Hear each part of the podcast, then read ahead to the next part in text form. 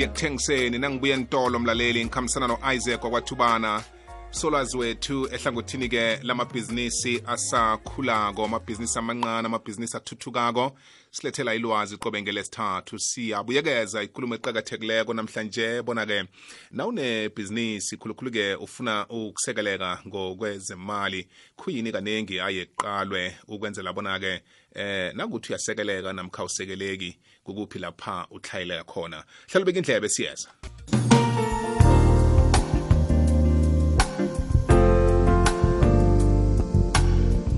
Sibuyile ngu-12 minutes past 2 thubana lotshani mthombothi ngiyavuma eh nivukile ngapho. Sihlwile ndoda ekhethu ninjani ngapho? Awa nokho mane eh hey.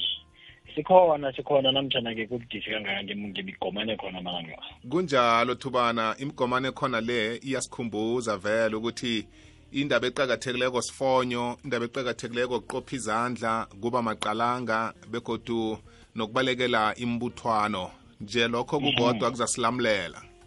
Aha. Namhlanje siphetheni mina kwethu?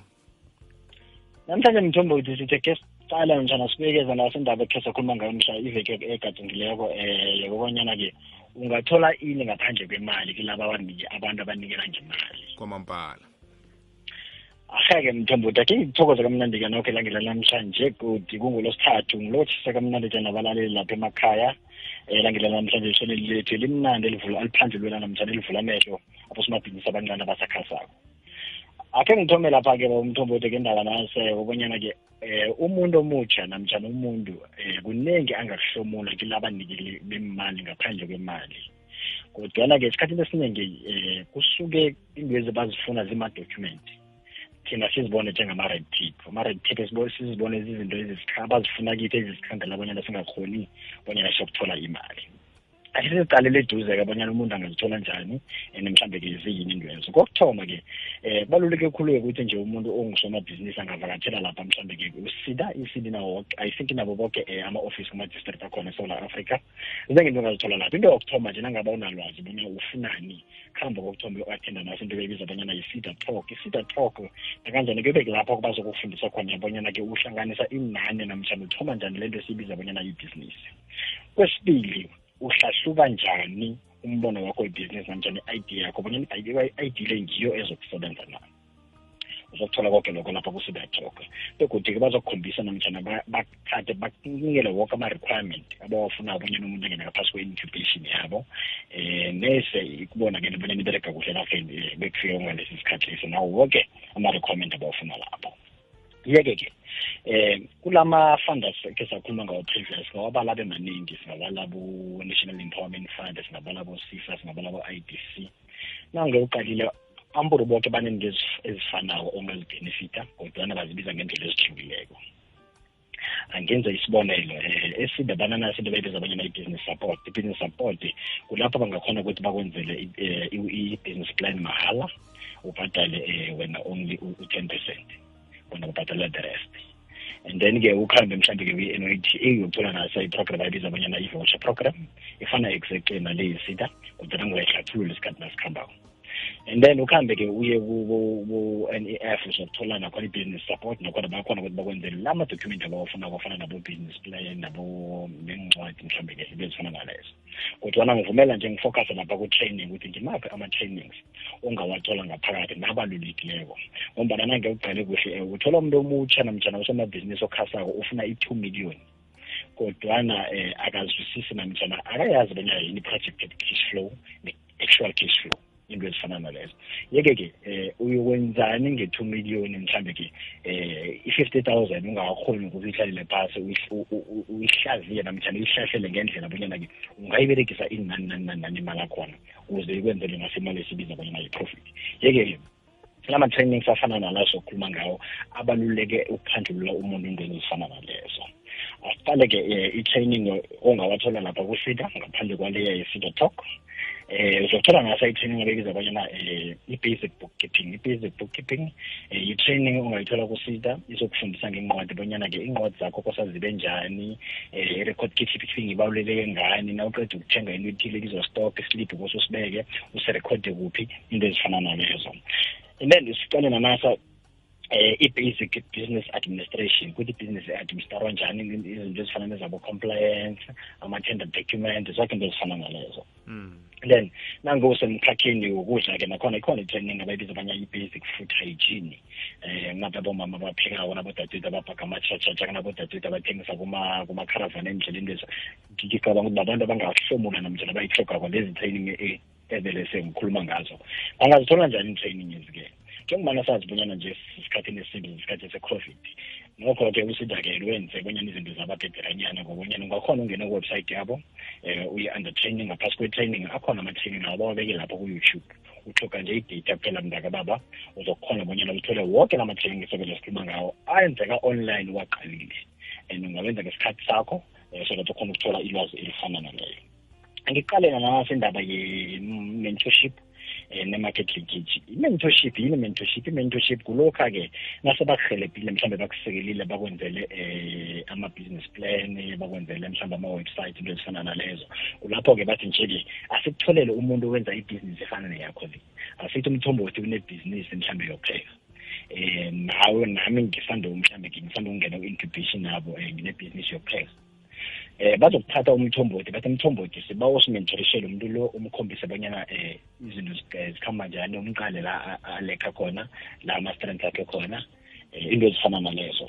Asiqale na-marketing cage. I-marketing cage kulapho-ke bazobona bazoba yi-middleman bazokudlala indima abonyana wena uhlangane ne-market. Asithi umthombothi um ukhiciza ukudla ukuthela sithi ukhiciza amakhowe ngamabomu um amakhowe lana aqeda ukwakhiqiza umthombothi kwase asuke aye esitolo yeke ke bona ngibo abazongena hlangana bathi mthombo uthi thina sikhambe mhlawumbe sizokhuluma nesitolo esithile bonyana sizokuthatha amakhowe la kuwe. Mm. ngaleli nani? Ngamamalanga le nto esiyibiza bona yi-market linkage. Asikhambe-ke sokuqala-ke sesengiswaphelisa nasa iprogram ekhona ungayithola lapha bo-n y d a ebizwa bonyana i-voucher program. I-voucher program eh kulapho unikelwa khona uthi uhlomula khona i-service i-n y d a iqasha i-service provider. Bonyana ikwenzele umbereko othileko bese wena uthola i-service. Lelo bangalibiza bonyana i-voucher program. Ungenzani ke-voucher program? Kokuthoma bangakwenzela i-business plan mahala ungakhiphi nosente. Kwesibili bangakwenzela i-feasibility study. I-feasibility study bayokulingelela baqale bonyana le nto ofuna ukuyenza njalo ibhizinisi ofuna ukuyenza ingaphuma kuleyo ndawo ofuna ukuyenza kiyo into ezifana nalezo. Bangakwenzela i-website and hosting mahala simahla ngaphandle bonyana ukhiphe nosente. Begodwa bakwenzele nasi i-operation system. Operation system eh ngile system ze-technology namtshana ama-software aberekiswa-ke emabhizinisini mhlawumbe ngama-point of sales namanye amaningi nangabe mhlawumbe-ke uyi-architect ubhala ama-planning ama-software aberekiswa-ke into ezifana nalezo. Kulapho ungahlomula khona mhlawumbe ngento ezifana nalezo. And then-ke ungakhona begodwa uthole isizo lefana naleli nalapha esita bangakwenzela mhlawumbe abo-i s bakwenzele mhlawumbe into ezifana nabo-branding nangabe ikhampani lakho isavuka kudinga i-branding i-branding sikhuluma ngamabhena sikhuluma um ngama-website sikhuluma ngokubrandwa kwenkoloyi sikhuluma ngama-business card.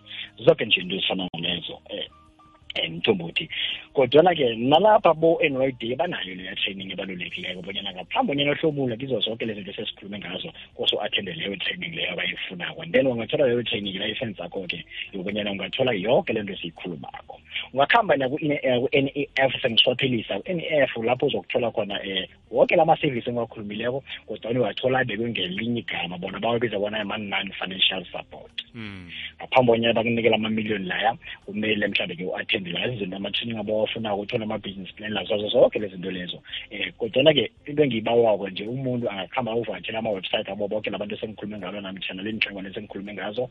Um ngombana sibona ngekhe ngithi umuntu ba-ofisini ngombana siyabona ukuthi ubujamo bunjani kongalezi sikhathi. Angazi bonyana bebumthombothi unomfakela namtshana umbuzo la sekuzaba mfakela nje wokukhuthaza umlaleli ukuthi akakhuthalele into yenzinzolwazi eh begoduke nokuvakatshela ama-website we eh inhlangano lezi sele uzivezile. Useselapho-ke thubana l- lamahlelo la kwakhe kwaba nesikhathi mhlambe ngaba minyaka emibili edlulileko na enye ya yamadoda yadlulwa lithuba em lokubamba amathuba afana nala esiwakhulumako. Ngesizathu sokuthi athi yena eh mina ngiphethe i-degree eh ye-marketing.